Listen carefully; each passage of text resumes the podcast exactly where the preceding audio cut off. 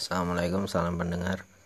Kembali lagi bersama saya Menyambung dari yang sebelumnya Bahwa eh, konsep equality Kesetaraan antara eh, Yang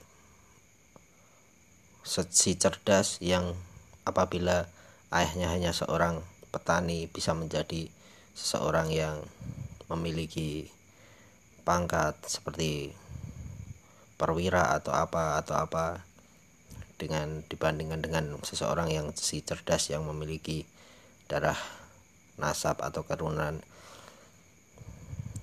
yang kemudian memiliki pangkat yang sama itu sebenarnya ya fair-fair saja. Namun lebih eh, baik yang kedua walaupun sama-sama cerdasnya. Bukannya tidak memberi kesempatan tapi kita harus menghargai jasa pendahulu kita seperti itu. Itu lebih mengarah seperti konsep monarki kerajaan. Sebenarnya di sini itu kayak gitu ya masih sistem kerajaan gitu monarki. Namun tertutupi oleh Eh, kesatuan sebuah negara kesatuan Republik Indonesia. Tapi sebenarnya tidak masalah karena saya mencintai Indonesia juga itu. Saya besar di sini lah di sini makan di sini mancing di sini di sini jajan tulan semua di sini. Cuma saya mengutarakan pendapat seperti itu. Kalau lawannya monarki itu kan uh, apa ya republik. Padahal dasar konsep negara kita itu republik. Namun terselip kemonarkian melalui sistem parlemen partai. Sebenarnya tidak ada yang salah karena yang berkuasa itu pasti akan terus berkuasa. Karena dia cerdas dia tetap mempertahankan kekuasaan dan dia memiliki kekuasaan itu sendiri. Namun kita mendapatkan kemerdekaan itu kan gotong royong.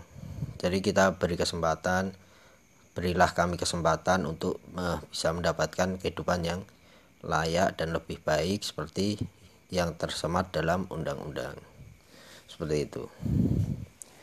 Ya berbicara tentang apa pun itu memang tidak ada habisnya ya seperti inilah hidup. Merokok dulu biar santai. Di dalam konsep ketatanegaraan itu memang rumit. Maka dari itu biasanya orang yang mengerti tentang sistem ketatanegaraan itu e, mendapat notis dari pemerintah. Biasanya. Mungkin di sini tidak tidak terlalu. Kalau di tempat lain biasanya seperti itu. Karena pasti selalu mengkritisi kebijakan pemerintah selalu mengkritisi selalu mengkritisi mencoba mencerdaskan uh, orang lain padahal tidak dibayar. Spesial pun tidak dibayar. Tapi tetap ingin apa itu ilman nafiah ilman ilmu yang bermanfaat untuk orang lain gitu. Semoga menjadi sebuah pahala yang bisa mengatrol kita menuju surgawi surga. Atas dasar konsep ketatanegaraan itulah yang perlu diperkuat fondasinya agar ketika konsep ketatanegaraan kuat itu maka akan uh, berpengaruh pada lini hukum tata negara. Maka akan berpengaruh pada lini administrasi kemudian akan berpengaruh pada hukum umumnya seperti tentang kehukuman pidana, tentang kehukuman perdata seperti itu akan berpengaruh. Pada hukum beracaranya akan berpengaruh. Seperti itu. Pada metodologi pembuatan hukumnya pun akan berpengaruh. Itu akarnya dari hukum ketatanegaraan. Maka dari itu perlu saya sampaikan untuk selalu mengkritisi dan uh, saya harap eksekutif legislatif dan juga yudikatif itu selalu memperbaiki setiap lubang pada ketatanegaraan Negara Kesatuan Republik Indonesia NKRI saya itu kadang merinding. Merinding mendengarkan lagu kebangsaan merinding mendengarkan lagu nasional gitu. Namun tidak begitu merinding ketika mendengarkan NKRI harga mati. Tapi saya itu merinding dengan pemikiran-pemikiran pendahulu kita. Karena kita itu sudah terdistrak dengan uh, kecanggihan teknologi tidak memanfaatkan kecanggihan teknologi. Kadang kita searching berita dalam bahasa Indonesia pun menghasilkan sesuatu yang mind blowing mencuci pikiran. Seperti itu. Karena itu fungsi media itu pentingnya untuk mencerdaskan bukan malah membodohkan Presiden B.J. Habibie itu mengangkat kebebasan berekspresi, kebebasan pers itu. Hanya ada pada zaman Pak Baharudin Yusuf Habibie itu. Supaya orang Papua juga cerdas, orang Aceh juga cerdas, orang Samarinda Balikpapan pun juga cerdas dengan seumpama berita yang dibuat oleh orang Jawa. Sehingga menyeluruh itu berada dalam satu frekuensi seperti itu. Maka dari itu media itu harus diberantas dari berita hoak seperti itu.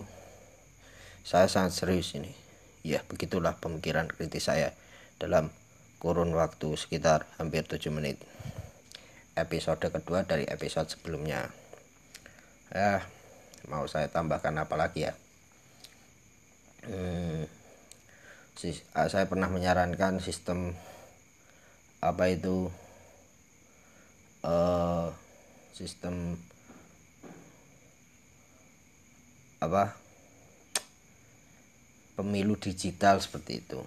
Namun saya juga hanya menyarankan apabila pemilu itu dilakukan secara digitalisasi maka itu akan mempengaruhi elemen lain pada sistem sistem yang lain. Maksudnya efeknya paling orang kita bisa mengirit biaya untuk uh, pemilu. Ya cukup sebentar saja saya jawab-jawab malam kali ini pada kesempatan ini karena sudah uh, habis lagi materinya. Kita sambung menyambung besok lagi. Kita merokok dulu semoga bermanfaat. Assalamualaikum warahmatullahi wabarakatuh